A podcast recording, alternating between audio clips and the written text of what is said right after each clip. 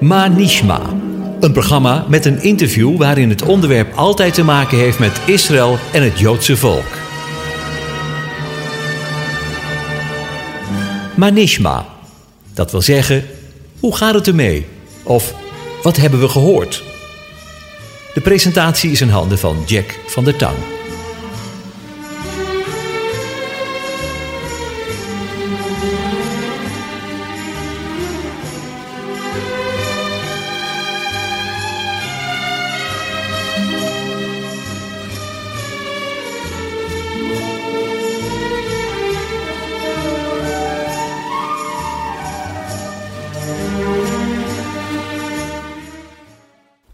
Hartelijk welkom weer, eh, beste luisteraars, bij het eh, programma Manishma. Mijn naam is Kees van der Vlist en eh, ik heb eventjes het stokje overgenomen van, van Jack van der Tang voor een aantal gesprekken met Anko van Molenbroek. Hartelijk welkom weer, Anko. Dankjewel, Kees. Ja, we hebben er inmiddels twee uitzendingen op zitten over het nieuwe boek wat je eind van de zomer hebt gepresenteerd en op de markt gekomen is met de titel Dit zijn de dagen van Elia. En uh, we hebben er twee uitzendingen aan uh, besteed in de afgelopen periode. En uh, we komen steeds meer tot de kern, denk ik, van de boodschap die in dit boek kwijt wil, als ik het goed heb. Um, de aanleiding voor het boek heb ik zojuist gezegd, is het, en het gesprek is het boek dat je schreef over de dagen van Elia. Het boek uh, laat je aan de hand van 1 Koningin 17 zien dat de dagen van Elia een blauwdruk zijn voor de tijd uh, waarin wij leven. Misschien ook wel juist, tenminste zoals ik het zelf voel, de dagen die wij zo met elkaar in deze coronatijd uh, beleven. De tijd tussen het nageslacht van de, van de slang en de strijd en laten we maar zeggen het nageslacht van de Messias. Um, Indrukwekkend boek heb ik al, uh, al, heb ik al gezegd. En uh, we waren er een beetje bij gebleven. Uh, hoewel we steeds meer naar de tijd waarin we op dit moment zitten. Bij de, ja, bij de verschrikkelijke dingen die er in deze tijd ook plaatsvinden. We hebben het gehad over kindoffers, over heksen, over Halloween. en op pagina 69 schrijf je, Anko, dat, dat je het idee hebt dat we afstevenen op een uh, nieuwe wereldorde. Nogal eens, uh, wat nogal eens onder het kopje complottheorieën wordt geschaard. En vervolgens betrek je de woorden van Jezus erbij als hij zegt: Het zal zijn in de dagen van Noach.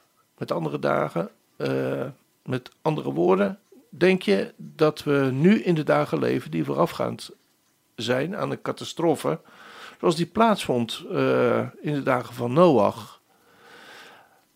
Nou, we zitten meteen weer lekker in het, uh, in het ja, onderwerp, we, duiken, we duiken er goed in inderdaad. Meteen in de diepte, uh, ja. Ja, ja, ja. ja, Kijk, wat, wat ik eruit leer, is dat, mm. er, dat er vergelijkingen mogelijk zijn. Ja. de dagen van Noach en onze dagen, of de dagen mhm. waar de Heer Jezus het over spreekt. Hè? Het, het zal zijn in de dagen van Noach. Ja. En dan heeft hij het over uh, eten en drinken en, en, en ten huwelijke vragen en, en nemen. Ja. Um, ik, ik laat nu even midden, ik heb dat ook niet verder uitgezocht wat, nee. dat, uh, wat dat inhoudt. Maar het gaat om het feit dat er blijkbaar een tijd is die lijkt op die tijd. Um, en dat, um, ja, dat, dat dat voorafgaat ook aan de, um, ja, je noemt het een catastrofe in ieder geval, en in dit geval aan de, aan de wederkomst ook uh, de komst van de Messias. Mm -hmm. um, en of dat deze dagen zijn, is natuurlijk een belangrijke vraag. Want de Heer Jezus heeft ons zelf ook, uh, ook tekenen gegeven om, waar we op, op kunnen letten, moeten letten. Um, en, en tegelijkertijd is, en dat is ook waarom ik mijn boek De Dagen van Elia heb genoemd, uh, zie je ook in de um, in de tijd van Elia zie je ook een patroon uh, ontstaan. Uh, althans, zo heb ik het uh, ontdekt. Wat, wat een soort grondpatroon ook vormt voor, voor de tijd.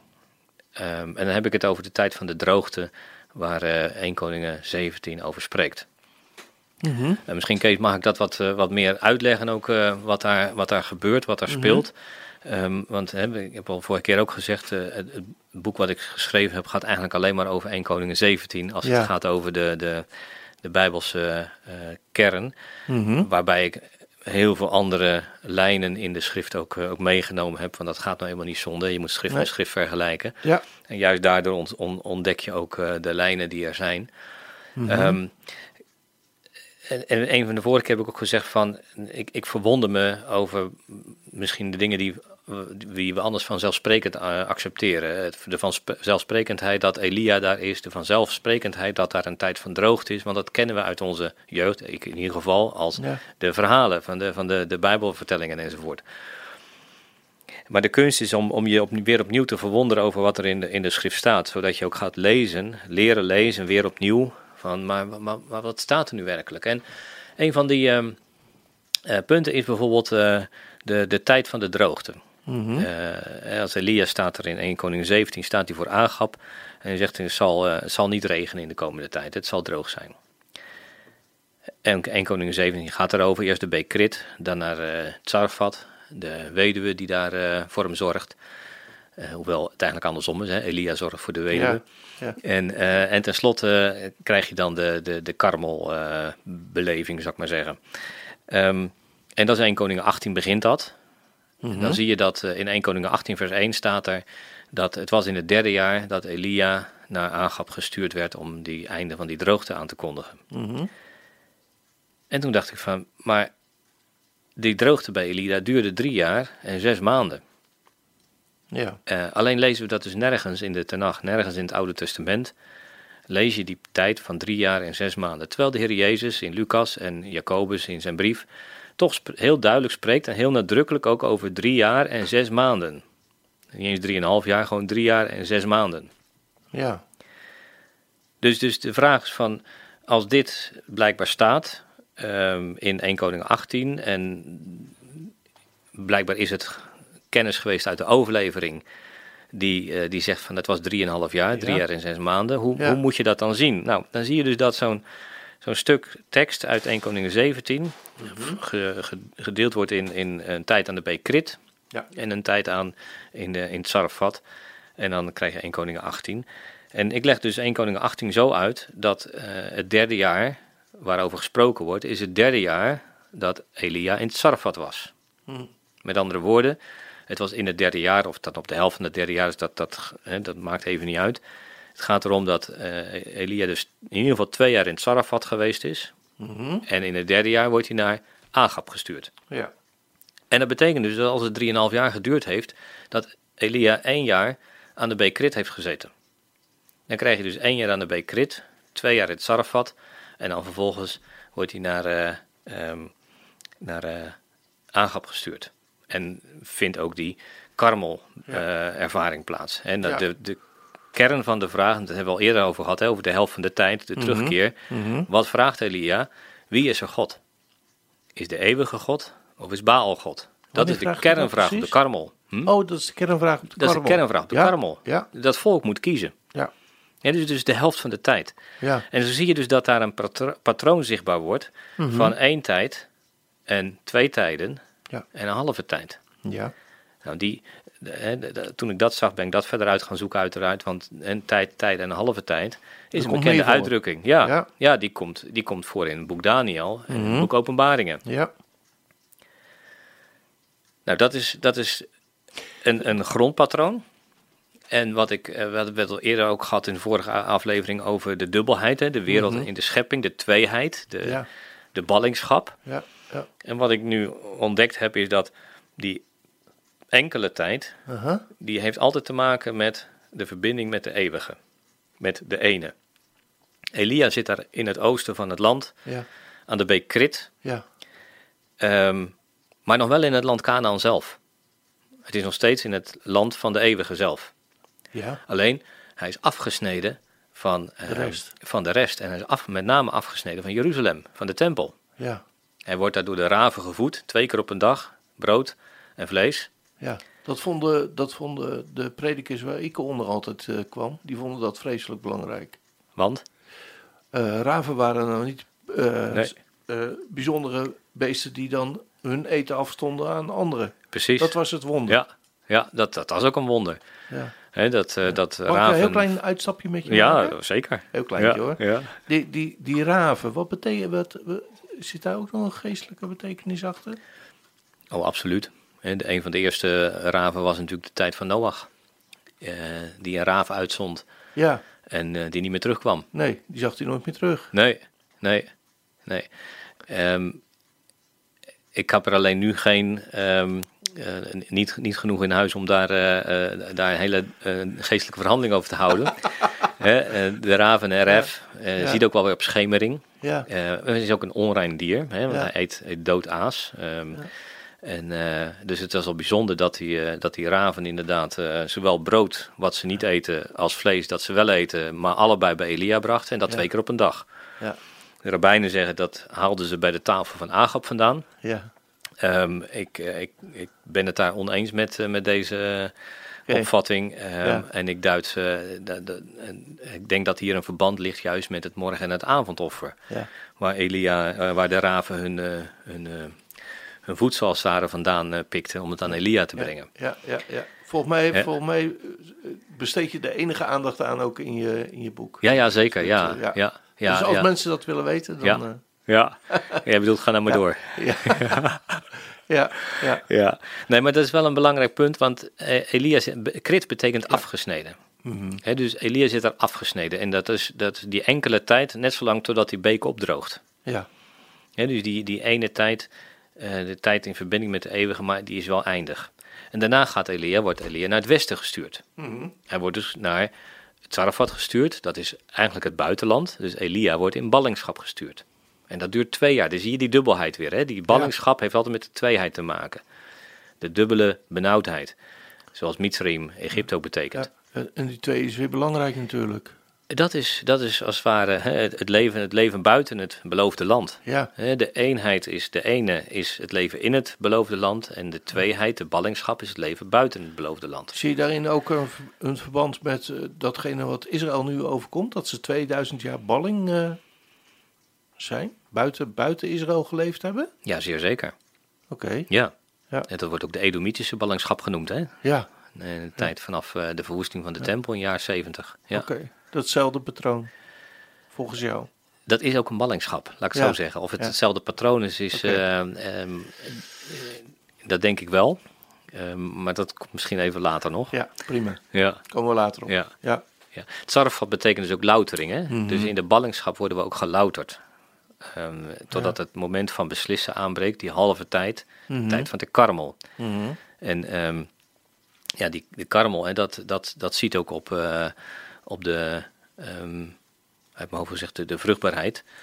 Um, dus dus uh, een vruchtbaar land inderdaad. Karmel is, is, een vruchtbaar land. Het was ook het uiterste van op dat moment van, uh, van het, uh, het, Noordelijke Rijk. Mm -hmm. Bovendien, dat is ook wel bijzonder, want Elia ging weliswaar naar, naar Tsarafat toe.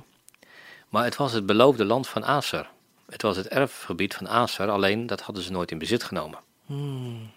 Dus ook al was het op dat moment het buitenland, de ballingschap, het was tegelijkertijd wel in belofte uh, het eigendom. Gegeven. Ja. Ja, ja, ja. Hoe kwamen we hier nou eigenlijk op? Nou ja, even naar de vraag ook van uh, het grondpatroon en de, de, de patroon ook van Noach bijvoorbeeld. Hè, de dagen van Noach enzovoort. Nou, Dat mhm. geldt dus ook voor de dagen van Elia. Ja. Um, daarom kwam dat ook bij mij in mijn hoofd toen ik dat lied van, van Robin Mark ook, uh, ook weer, uh, weer hoorde. Hè, These are the days of Elijah.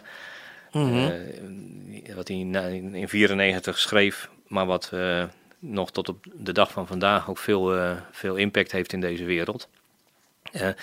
En dus eigenlijk zie je datzelfde patroon, dus grondpatroon, dus ook bij de dagen van, van Elia. Ja. Die enkele tijd aan de Bekrit en vervolgens de dubbele tijd in, in Sarfat, de tijd van loutering. En daarna de halve tijd, de tijd van beslissing. Ja.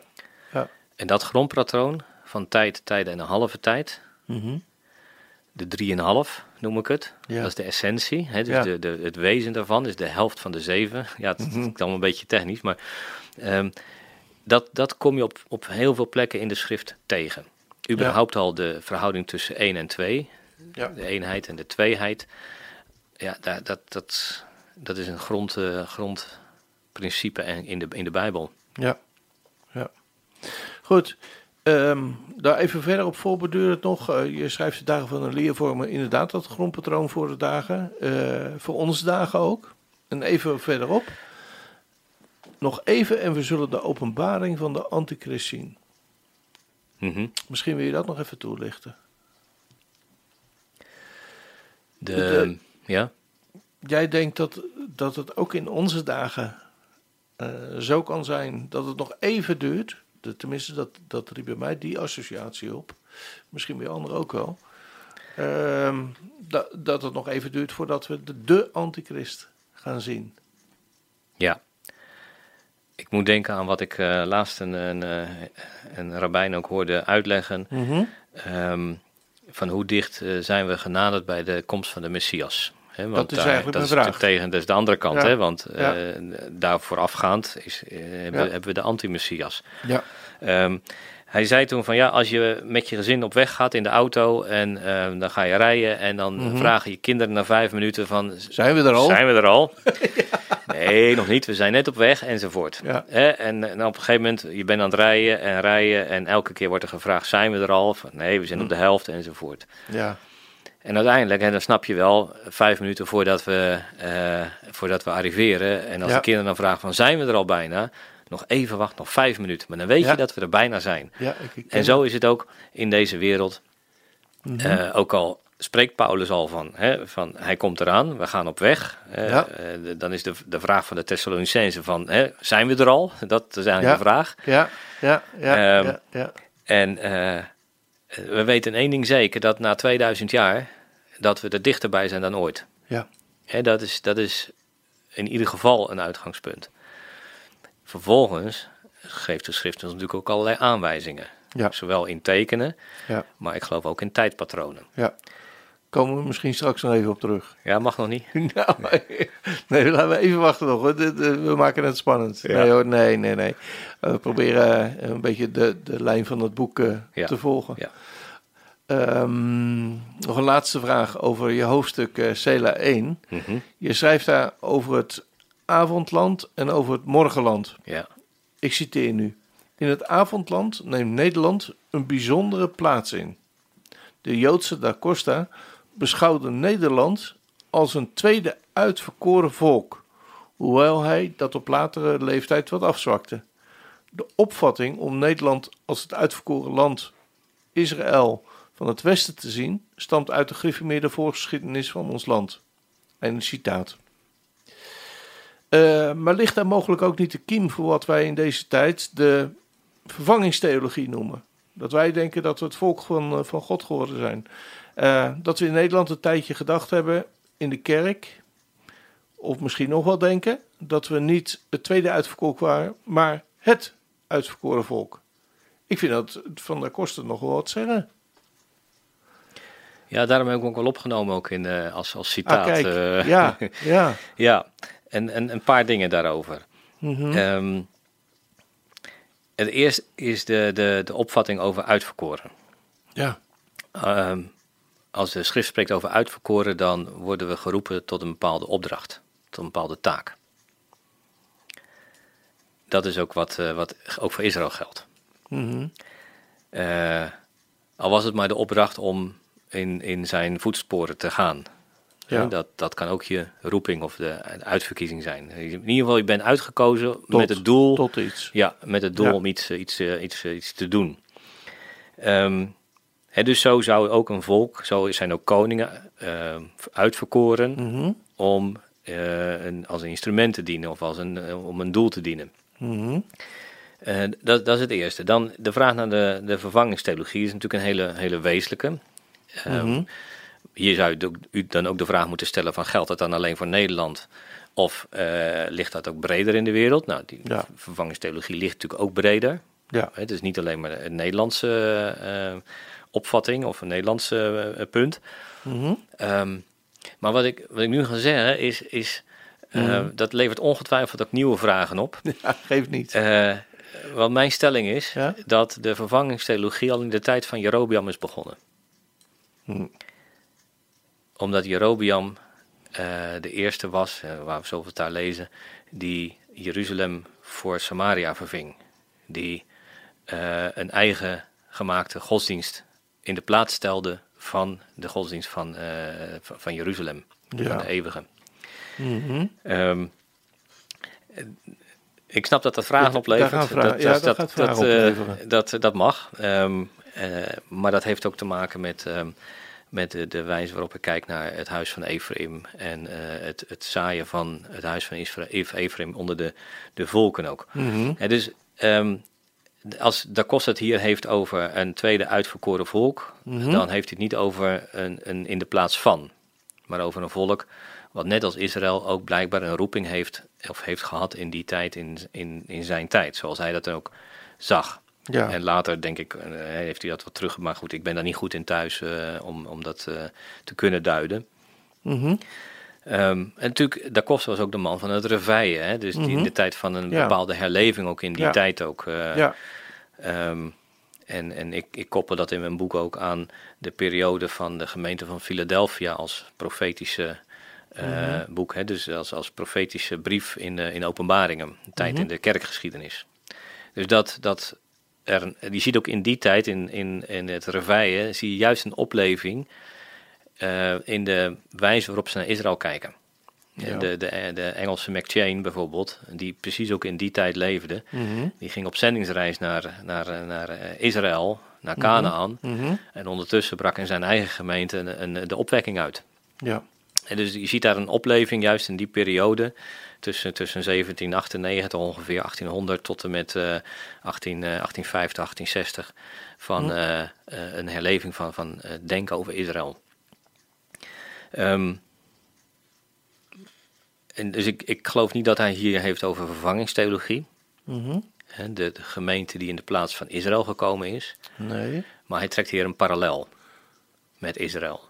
Ja. Vind, vind je die parallel, vind je die, vind je die terecht? Die, want God die houdt er toch geen twee volken op na? Nee. Hij, zei, hij, zegt, van, hij zegt tegen Israël, ja. zegt hij van, u bent mijn uitverkoren volk. Ja. Ja, en dat, volgens mij lezen, lezen we nergens dat, dat Nederland dat zou zijn of zo ook. Nee, klopt. klopt. En nogmaals, nogmaals ehm, je moet het in de context ook lezen en ook de vraag stellen van wat bedoelt hij dan met uitverkoren. Ja. En uh, hij, op geen enkele wijze plaatst hij Nederland in de plaats van. Nee. Maar hij trekt een vergelijking. Hm. Dat het ondertussen ook voer kan zijn voor een vervanging, mhm. dat is duidelijk. Ja. Maar dan denk ik dat je er meer in legt dan hij, bedoeld heeft. Oké, prima. Duidelijk. Um, dan wil ik een stapje maken naar, uh, naar hoofdstuk 7. Daar begin je met een uh, interessante vraag die me raakte. Je schrijft daar: Als onze dagen zijn als de dagen van Elia, hebben wij dan ook een Elia te verwachten. We hebben het daar in de vorige uitzending al uh, heel even over gehad. Je gaat in het hoofdstuk dieper in op de geestelijke, donkere tijd waarin het volk Israël voor de komst van Elia verkeerde. Uh, dan hebben we het over voor uh, 1 Koningen 17. Mm -hmm. uh, voor zover ik kan nagaan, geef je in dit hoofdstuk geen antwoord op de vraag die je jezelf stelde. Dus daarom stel ik hem nog maar eens een keer. Als onze dagen zijn als de dagen van Elia, hebben we dan ook een Elia te verwachten? Ja, ik weet het gewoon niet. Oh? Ja. Ik, Dat uh... verbaast me. ja. je stelt, je stelt jezelf de vraag en ja. dan, dan... Ja. En de vraag is, is en, en de zoektocht naar dat antwoord zit hem ook in het feit van wat is de betekenis van Elia? Ja. waarom, waarom overstijgt hij uh, zijn eigen leven als het ware? Ja. dat, is, dat is de vraag. En kijk, ik heb er wel een, natuurlijk enigszins een, een antwoord op. Mm -hmm. maar of nou, wij Elia als persoon uh, zouden ja. moeten verwachten voordat de Messias komt, dat weet ik eerlijk gezegd niet. Nee. Kijk, de, de, de overlevering die zegt dat Elia, zeg maar nadat hij opgenomen is, nog twee keer terugkomt. Mm -hmm. Eén keer om de uh, komst van de Messias, of, of zoals ze het noemt, goed de Messias ben Jozef, ja. ook vooraf te gaan. Ja. En de tweede keer zal zijn bij Gog en Magog, hè, dus Ezekiel ja. um, 37, 38. En daar lezen we ook juist in die hoofdstukken over de samenvoeging van het huis van Juda met het huis van Jozef, of eigenlijk andersom, en Jozef wordt bij Juda gevoegd. Ja. En die zullen weer tot één worden. Van twee eenheid, tweeheid wordt het weer een eenheid, ook. Dat komt ook in de tekst, ook, ook Hebreeuwse tekst, ook mhm. bijzonder naar voren. En dus ehm, dat is wat, uh, wat de rabbijnen zelf al zeggen. Ja. Ehm, en wij weten natuurlijk uit het, uh, uit het Tweede Testament, uit het Nieuwe Testament, dat uh, Johannes de Doper gezien wordt ook als de Elia. Hè? Hij heeft daar ook daadwerkelijk de komst van de zoon van Jozef, is die daaraan vooraf gegaan. Ja. Dus de, als de derde keer is uh, in de tijd van Gog en Magog, dan praten we dus mhm. over de tijd van het einde, de laatste dagen. Ja, waarin duik je nu bijvoorbeeld ook op, op datgene wat beschreven wordt in, uh, in openbaring, over de twee getuigen? Ja, dat is ook een... Daar komen we straks misschien ook nog wel een keer op terug, maar... Nou, misschien is het wel goed om daar, daar een paar dingen van te zeggen. Ja. Wat je ziet... Um, ik, ik geloof inderdaad dat, dat met deze twee getuigen, dat daar uh, Mozes en Elia worden bedoeld. Dat blijkt uit de dingen die ze doen. Ja. Die, die zijn rechtstreeks terug te voeren op het gedrag, op wat er gebeurde in de tijd van, van Mozes en van Elia. Mm Ik geloof niet dat het fysieke, persoonlijke uh, personen zijn die terug zullen komen. Mm Maar dat, dat, dat kunnen we dan voor later bewaren. Ja. Wat je ziet, en dat heb ik ook, ook wat uh, kort aangestipt in mijn boek, is dat bij elke uh, belangrijke, belangrijke heilsfeit mm zijn er getuigen geweest. En meer dan één getuige.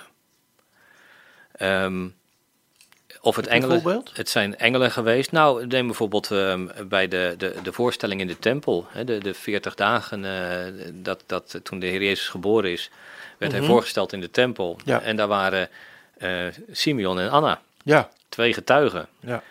Simeon, ehm, die, die spreekt over uh, het licht tot verlichting van de heidenen. Mm En Anna, die heeft het over de verlossing van Israël. Ja. Zij wijst op het jubeljaar. Mm En Anna is, is uit de stam van Azer. In mijn boek laat ik ook, ook zien, uh, geef ik ook de, de parallellen weer tussen mm Anna en de weduwe van Sarfat. Ja dus ik, ik geloof ook daadwerkelijk dat, dat in, bij die getuigen, uh, Simeon en Anna, dat dat ook de types zijn van het tienstammenrijk en het tweestammenrijk.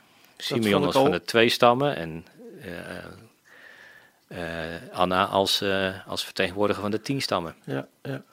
Zie je dat ook bijvoorbeeld in een, in een andere belangrijke gebeurtenis? Want daar hebben we het eventjes over nog. Bijvoorbeeld bij, op de berg van de verheerlijking. Ja. Ook zo'n ook zo moment waar, waarop uh, wat heel belangrijk was. Ja. Denk ik. En waar, waarin we Mozes en Elia ook, uh, ook tegenkomen. Ja, dat is, dat is ook weer die. Uh, en daar, daar, daar vinden we zelfs dus in feite twee keer drie getuigen. Ja. Van, van wat de eeuwige daar zegt. Hè. Dit is mijn mhm. geliefde zoon. Ja. Namelijk twee, drie hemelse getuigen. Yeshua, Mozes en Elia. Ja. En drie aardse getuigen, Petrus, Johannes en Jacobus. Ja. Ja. En dus dat is echt een kantelpunt ook in de, in de heilsgeschiedenis.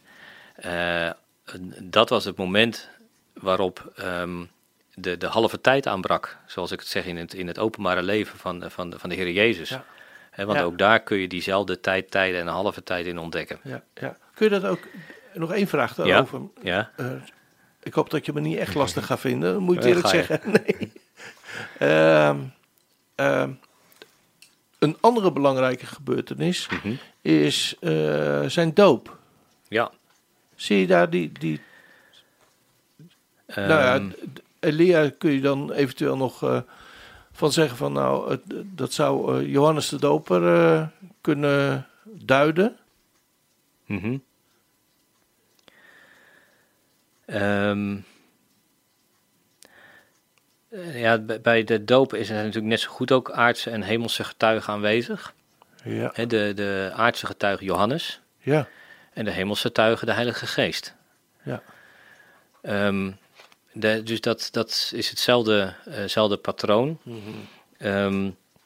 ja. En tot aan, eh, zoals het in, uh, de, als, als, als uh, bij de juist die plekken waar de, de, de eeuwige zijn zoon, zijn geliefde zoon benoemt, mhm. daar zie je die koppelingen van aardse en hemelse getuigen. Maar alle andere tot aan zijn dood zijn, uh, is er sprake van aardse getuigen. Neem bijvoorbeeld hè, zijn sterven, dan gaat het over de hoofdman over 100 aan het kruis, bij het kruis. En Jozef van Arimathea bij zijn begrafenis. Hè. Dus, dus dat zijn allemaal steeds zijn, zijn minimaal twee getuigen geweest die getuigen van de gebeurtenis. En, en de schrift zegt van uh, bij twee of drie getuigen zal alle woord bestaan. Ja. ja. En dat, dat zie je continu terug. Bij de geboorte zie je de herders uit de, uit de velden komen en de wijzen uit het oosten. Hè? Dus degene die van het land zelf waren en degene die van het buitenland kwamen. Ja. Als getuigen van zijn geboorte. Ja. Ja, en dat, datzelfde geldt dus ook bij het laatste helsfeit eigenlijk, wat nog mhm. staat te gebeuren als het gaat over de wederkomst, de, de komst van de Messias. Ja. Ook uh, dat vraagt getuigen.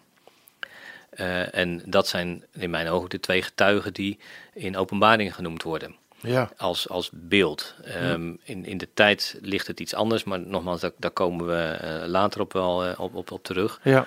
het feit is in ieder geval dat er naartoe gewerkt wordt dat er bij het duiden van de tijden, het, het, de, de overlap van die eerste christengemeente en de laatste zou je kunnen mhm, zeggen, ja. dat daar getuigen bij zijn. Ja. ja, dus elke keer bij belangrijke gebeurtenissen ja. En bij belangrijke overgangen van het een naar het ander zijn er altijd twee getuigen. Ja. En soms meer. En soms meer, ja. Aanwezig. Ja. ja. Prima. Mooi. Um, ik denk dat we nu weer even een uh, stapje gaan maken in het, uh, of een, uh, een break gaan maken in het programma. met muziek en dan komen we straks weer bij je terug.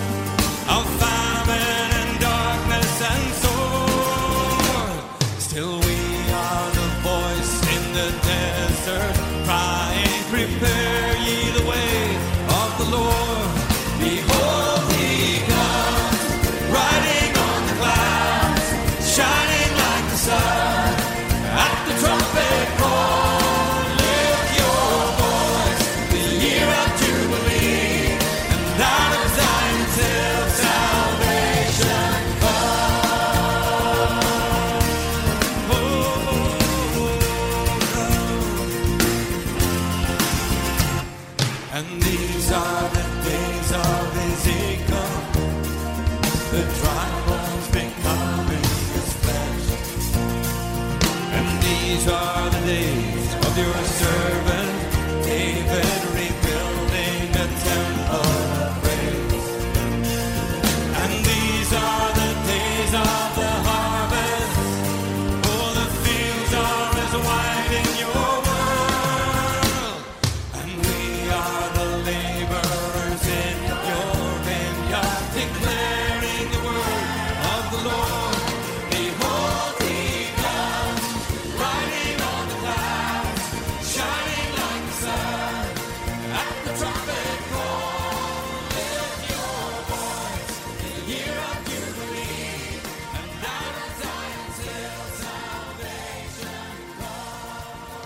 We zijn weer terug uh, naar de muziek, naar de break. Uh, misschien heb je even koffie gehaald tijdens, het, uh, tijdens de muziek. Ik wil een stapje maken naar hoofdstuk 11 in je boek Anko. Waar je spreekt over de afsnijding en de periode van loutering van, van Israël. En je hebt het net al heel even kort aangehaald.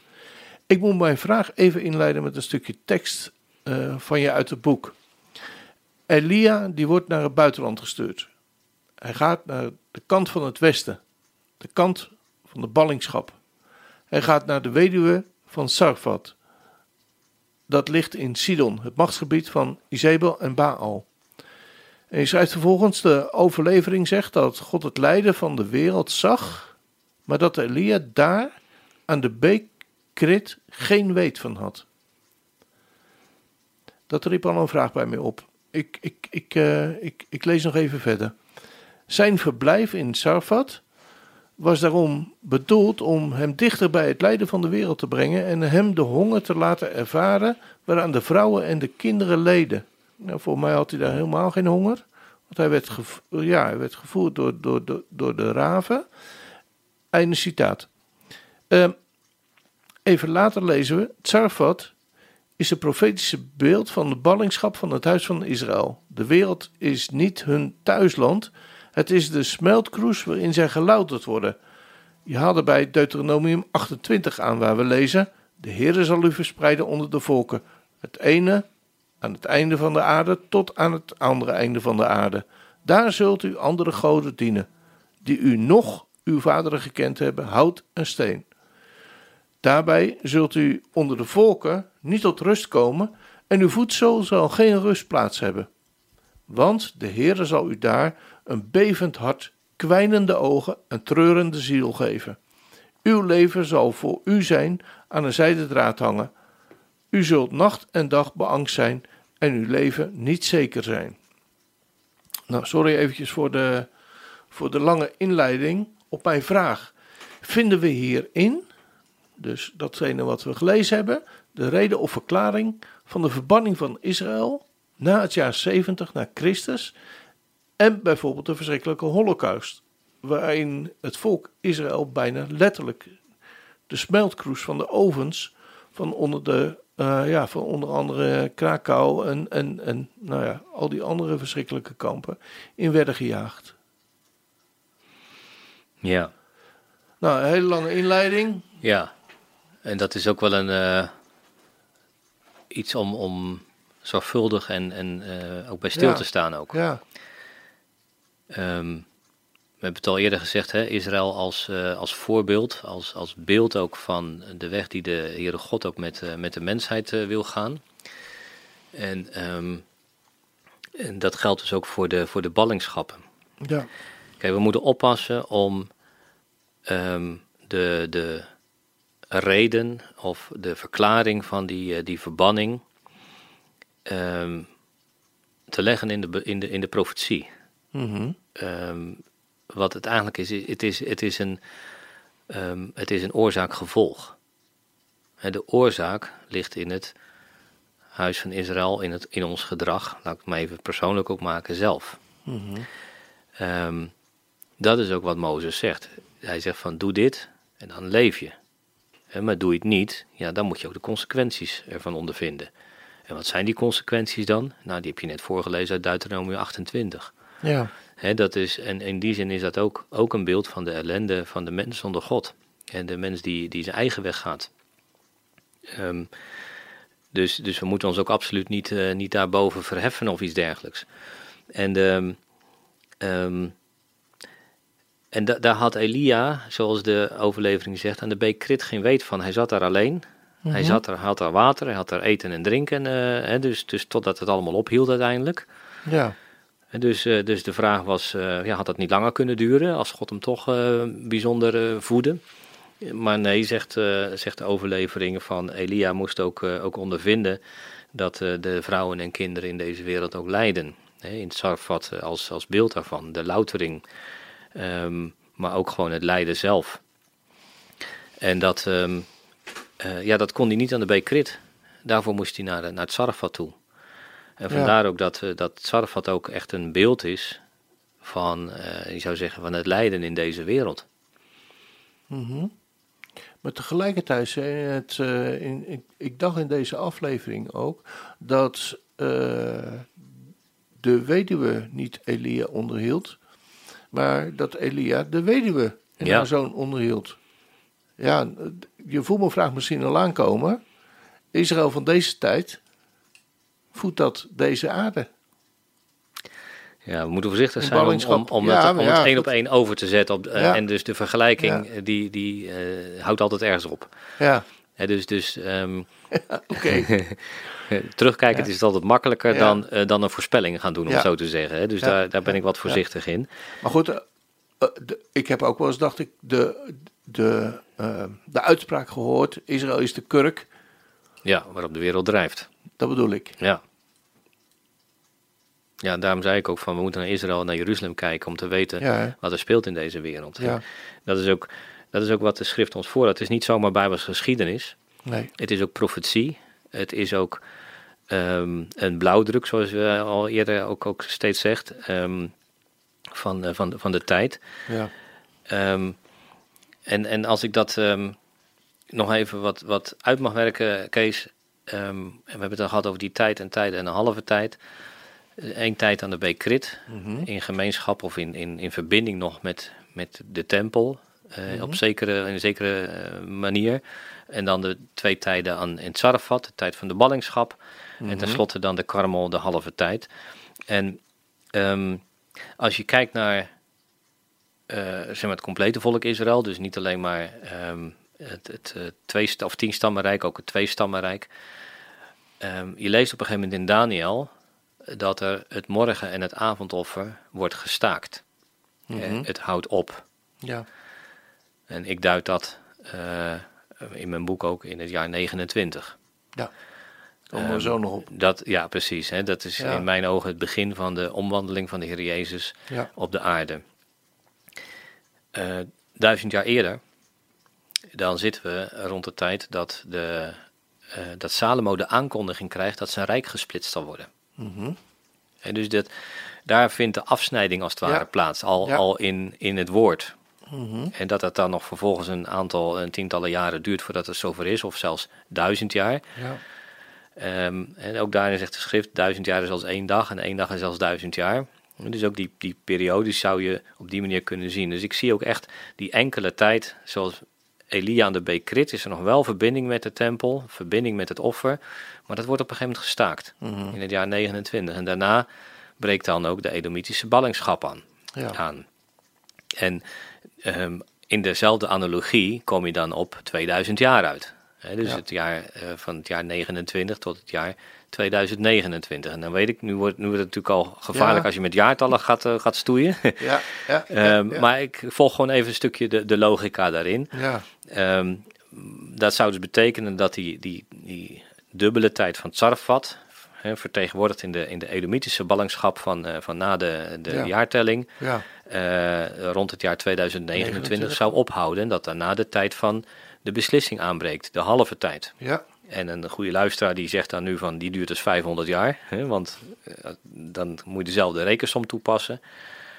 Die vraag heb ik natuurlijk ook gehad voor mezelf. Ja. ja. Totdat, je, totdat je leest ook van dat Heer Jezus zelf zegt van ja, het is dat die tijd vanwege de uitverkorenen verkort zal worden. Ja. Anders zou er geen vlees kunnen bestaan. Mm -hmm. dus ik geloof ook dat, dat, dat die tijd na 2029, maar even zo uh, aan te houden, wel degelijk een tijd van beslissingen zal zijn. Ja. Keuze zal, zal zijn. Mm -hmm. uh, maar dat die niet noodzakelijkerwijs die 500 jaar hoeft te duren. Ja, ja. Ja. Ik, merk, ik merk dat aan je als ik, als ik, uh, als ik de vragen stel aan je van hoe zie je dan uh, dat richting de toekomst, dat je voorzichtiger wordt in datgene wat je uh, mm -hmm. zegt of schrijft. Hè, dat, ja. En dat, dat snap ik ook. als ik bijvoorbeeld zeg van, nou ja, de Heer zal u verspreiden onder de volkeren en dat soort dingen, dan word je daar voorzichtiger mm -hmm. in om in ieder geval met de, met de vinger te wijzen. En dat is denk ik ook, uh, ook geheel terecht. En dat we beter, beter met de vinger ook naar onszelf kunnen wijzen. Ja. Uh, en tegelijkertijd uh, dat, je, dat je voorzichtiger wordt in datgene te duiden wat er in de afgelopen tijd heeft, heeft plaatsgevonden. En dat direct over te zetten naar de profetie bijvoorbeeld van, zoals we dat lezen in Deuteronomium. 28. Ja, en mijn voorzichtigheid heeft hem dan vooral met te maken met de dingen die, die gaan gebeuren. Ja. He, want um, uh, ik ben er zelf wel van overtuigd dat datzelfde patroon op deze manier ook zichtbaar is. Daar heb ik meer bewijzen van om dat te onderbouwen. Zeg maar. Dus ik uh, kan dat nu, ga dat nu uiteraard niet doen. Maar er zijn meer uh, signalen, bewijzen en tijdpatronen die maken dat, dat we dit kunnen zeggen. Tegelijkertijd, ik, ik ga geen schema of een model neerleggen van zo gaat het dan ook gebeuren. Nee, nee. Nou, en dat, dat waardeer ik er enorm in je. Uh, omdat uh, onze schema's, die kunnen nog wel eens heel anders verschillen van datgene wat er, uh, wat er uh, iemand anders die er werkelijk over gaat, ja. als schema aangehouden heeft. Ja. Maar ik heb wel een, een, een, tweede vraag die ik aan wil koppelen. Ehm, en dat heeft ook te maken met, met het Deuteronomium 28 en ook met ja, datgene wat er in de Tweede Wereldoorlog en in de afgelopen mhm. eeuw heeft plaatsgevonden. En de tweede vraag is, hoe moet ik dan bijvoorbeeld Romeinen 9, 10 en 11 begrijpen in het licht van de voorgaande? In Romeinen 11 lezen we, wat Israël zoekt, dat heeft het niet verkregen, maar de uitverkoren deel heeft het verkregen en de anderen zijn verhard. Zoals geschreven staat, God heeft hun geest van diepe slaap gegeven, ogen om niet te zien, oren om niet te horen, om tot op de dag van heden. En David zegt: laat hun tafel voor hen worden tot een strik, tot een valstrik, of een valkuil, tot een struikelblok en tot vergelding. Laat hun ogen verduisterd worden, zodat ze niet zien en maken hun rug voor altijd krom. Ik, ik zeg dan, zegt Paulus, zijn zij soms gestruikeld met de bedoeling dat ze zelf houden, vallen zouden. Volstrekt niet. Door hun val is echter de zaligheid tot de heidenen gekomen en hen tot jaloersheid te verwekken. Als dan hun val voor de wereld rijkdom betekent en hun verlies rijkdom van de heidenen, hoeveel te meer hun volheid. Misschien moet ik je de, uh, de vraag aan stellen: is de tijd waarin Israël in de afgelopen bijna 2000 jaar nu sprake van loutering voor Israël? Of is dit juist niet de periode dat ze tijdelijk terzijde zijn gesteld om het heil naar de heidenen te brengen? Nou, met het laatste te beginnen, Kees. Um, Israël is niet terzijde gesteld. Mm um, God neemt geen afscheid van zijn oogappel. Nou, hij zegt wel in Hosea: Dit is niet mijn volk. Ja, dat is een goeie. Um, datzelfde, dat zegt hij over zijn, in ieder geval over zijn tien stammen. En hij heeft zijn vrouw de scheidbrief gegeven. Ja, dan gaat het dus over het tien stammenrijk. Oh, daar maak jij onderscheid in? Ik maak daar onderscheid in, ja. Ja, ja. Ja, dat is precies ook, daarom zei ik al, in, eh, al even net eh, geleden van waar begint de vervangingstheologie? Ja, die begint eigenlijk al bij Jerobiam. Ah. Uh, de, de ene die in de plaats komt van de ander. Uh, wat we zien, even, even grote lijnen van het huis mhm. van, van, Is, van Israël, of het huis van Ephraim wordt het ook genoemd. Hè. Uiteindelijk het huis van Jozef. Jozef en mhm. Juda, die twee die tegen, oh, die, ja, die tegenover elkaar staan. Ze waren ook tegenover elkaar gelegerd in de woestijn. Mm Juda in het oosten en Jozef in het westen. Die weer tot één zullen worden. Ja. Dat, zover is het nog niet. Dat is de belofte die Ezekiel uh, ons, ons geeft. En ehm, wat gebeurde met uh, dat, dat volk, dat, die, dat tienstammenrijk, dat is in ballingschap gevoerd door de Assyriërs. Mm um, en dat is uh, opgenomen onder de heidevolken. En ik zei al, mhm. het is gezaaid onder de heidevolken. Om daar ook, uh, ook vruchten te, voor te brengen. En um, die tien stammen, daar uh, er is natuurlijk ook allerlei uh, onderzoek naar gedaan en theorieën over. en, maar daar, zoveel is wel duidelijk dat ze naar het westen zijn getogen. Hè, dat ze mhm. richting, richting West-Europa zijn getogen ook. en ook in, in Amerika terecht zijn gekomen. Dus dat, dat is op zich um, wel na te, na te zoeken. Um, de,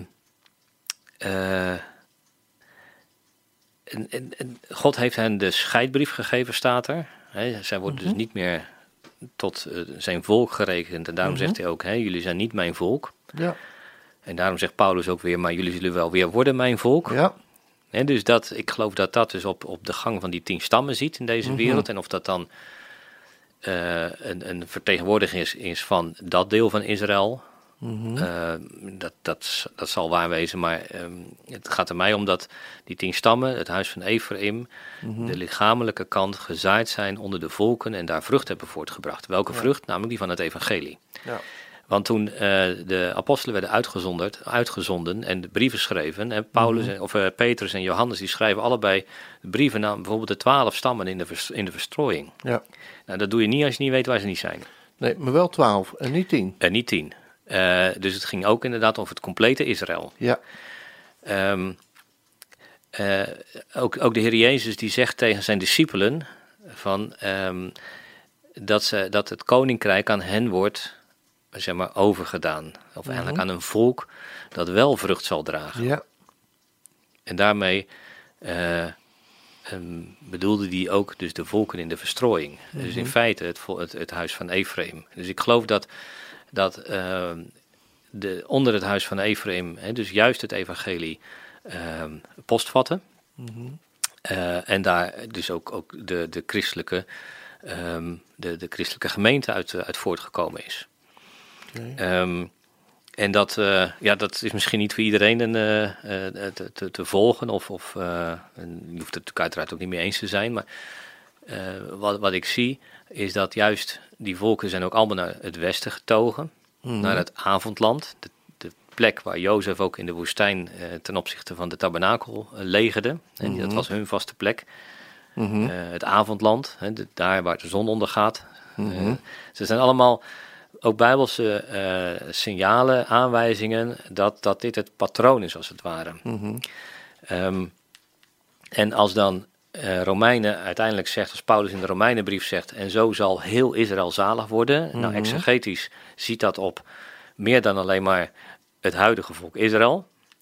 Uh, daar is ook wel wat exegetisch onderzoek wel naar gedaan. maar dan gaat het dus om die complete twaalf stammen. Uh, aangevuld ook met de gelovigen uit de heidevolken. Mm Die als het ware, je zou kunnen zeggen, in de, in de slipstroom zijn, uh, zijn meegenomen. Ja. ja. Ja. en, en zo wordt Ephraim dus tot een, een veelheid van volken. En zo wordt ook mhm. de belofte aan Abraham dat hij zal worden tot een veelheid van volken, uh, wordt op die manier vervuld. Ja. Ja. Ik weet niet of ik, mag wel eerlijk zijn, ja? Hè? Ja, ja. of ik nou echt antwoord op mijn vraag gekregen heb. is de tijd waarin Israël in het afgelopen bijna 2000 mhm. jaar nu sprake van loutering. En dat waren de Joden. Mm Het ging over twee, in ieder geval voor, voor zover we het weten, over het mhm. twee stammenrijk. Mhm. Eh, is er nou sprake van loutering of is het juist de tijd die, waarin zij terzijde zijn gesteld tijdelijk om het heil naar de heidenen te brengen? Mag ik het heel grof één keer mhm. zeggen? En de, de, luisteraars mogen straks uh, protestbrieven insturen en zo. Maar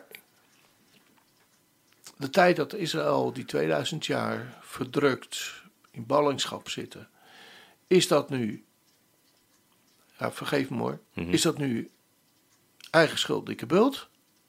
Hadden ze maar moeten luisteren? Of is dat nu juist om het heil naar de heidenen te brengen? Of mag ik het helemaal niet zo zeggen? Mhm. Misschien is het wel beide. Ik vind dat heel moeilijk. En ik wil het niet, ik, weet je, ik, mhm. ik wil niet met de vinger wijzen. Van kijk, hun is, zij hebben het niet gedaan, dus daarom zijn ze de overzin gegaan. Ja. Dat, dat, dat, is natuurlijk helemaal niet waar.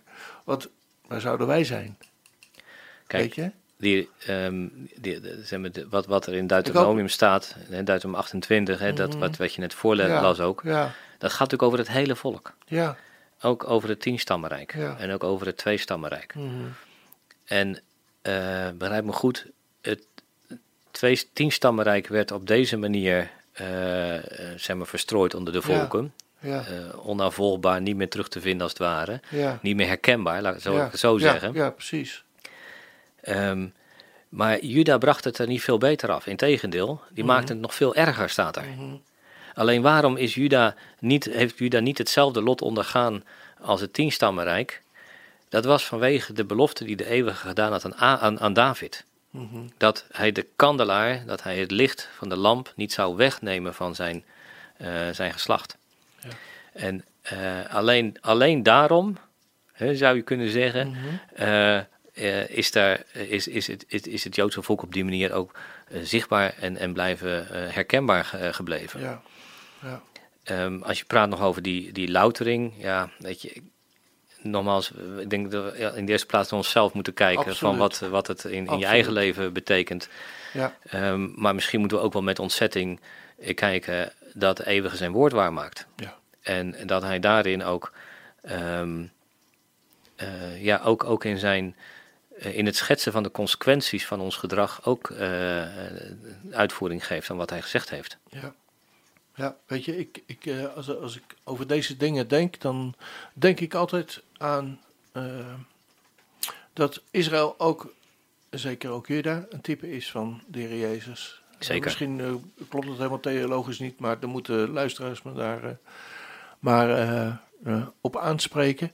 Maar het lijden wat de Heer Jezus ook voor mij gedaan heeft. Mhm. Zo zie ik het lijden van, mhm. van de Joden ook voor deze wereld. Weet je, dat het ons heil gebracht heeft. Ja, absoluut. We moeten dat volk zo ongelooflijk lief hebben.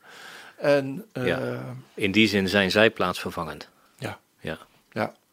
Nou, ik denk dat dat een, uh, een, een, mooie afsluiting is voor deze derde aflevering ook. We hopen, we zijn nog ja, sorry hoor, levens, uh, luisteraars, maar we zijn, nog niet, uh, we zijn nog niet uitgepraat. We hadden gedacht en een beetje gepland dat het bij drie uitzendingen zou blijven. Maar uh, ja, het, eh, het, loopt wat uit. En we vinden dit, dit onderwerp en de plaats van Israël, maar ook de geschiedenis van Elia en wat, wat er nog komen gaat, vinden we zo belangrijk dat we nog even doorgaan naar de, het, laten we zeggen, eindejaarssucces. Dan hopen we u weer eh, te horen. En als luisteraar. Mocht u eventueel vragen hebben. Anko, kan dat? Of, ja, tuurlijk. Ja? ja. Sta even open. Zou ik, zou ik leuk vinden. Ook, misschien dat we ze ook uh, in de volgende keer dan aan de orde kunnen laten komen. Als ja. luisteraars zeggen van nou, ik heb hier of daar nog een vraag over. Ja, ja, en sowieso kan het natuurlijk altijd gewoon via mijn website ook. ja, kan ook. Maar het is misschien fijn om dat ook een beetje via de radio te laten ja, doen. Hoor. Want misschien zitten andere, andere luisteraars ook met dezelfde vragen. Ja. En dan kunnen we misschien wat, wat interactie krijgen. Voor nu in ieder geval heel hartelijk bedankt alweer. Ja, graag gedaan. Ja. Nou ja, we komen alle twee bodegraven, dus uh, de, reis hoeft niet ver te zijn, maar we zitten wel in de, alle twee uh, in de studio in, uh, in Den Haag. Um, heel hartelijk, hartelijk bedankt. nou, mochten mensen verder geïnteresseerd zijn of niet kunnen wachten tot de volgende keer, dan kunnen ze een boek bestellen. Kosten zijn 24,95. we zitten vlak voor de dagen waarin we allemaal een paar dagen vrij zullen hebben. Dus uh, excuus van, uh, nou, ik heb er geen tijd voor het boek, want uh, ik moet dit en dat en zo. Heel veel dingen zijn ons ingeperkt, maar dit is ons niet ingeperkt, dat we dit boek in ieder geval mogen lezen. volgens de regering. Dus verkrijgbaar bij de webwinkel van Pillar of Fire, www.pillaroffire.nl. En tenslotte is het denk ik nog even goed om de website van het boek te noemen voor informatie. Ga dan naar www.dedagenvanelia Elia spel je dan als Eduard, Leonard, Isaac, Jacob, Anton, Hendrik.nl. Daar vind je nog meer informatie.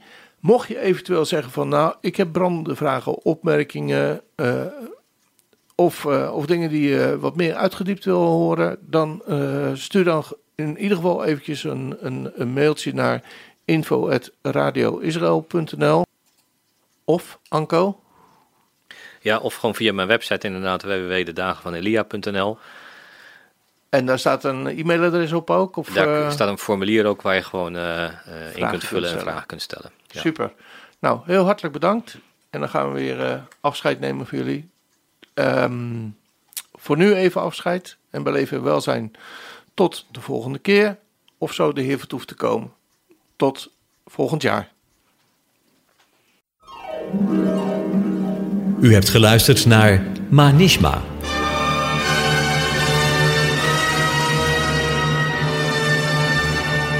Een programma met een interview waarin het onderwerp altijd te maken heeft met Israël en het Joodse volk. Presentatie Jack van der Tang. Wilt u het programma nog eens naluisteren? Dan kan dat. Ga naar radioisrael.nl en klik onder het kopje radio op Uitzending gemist.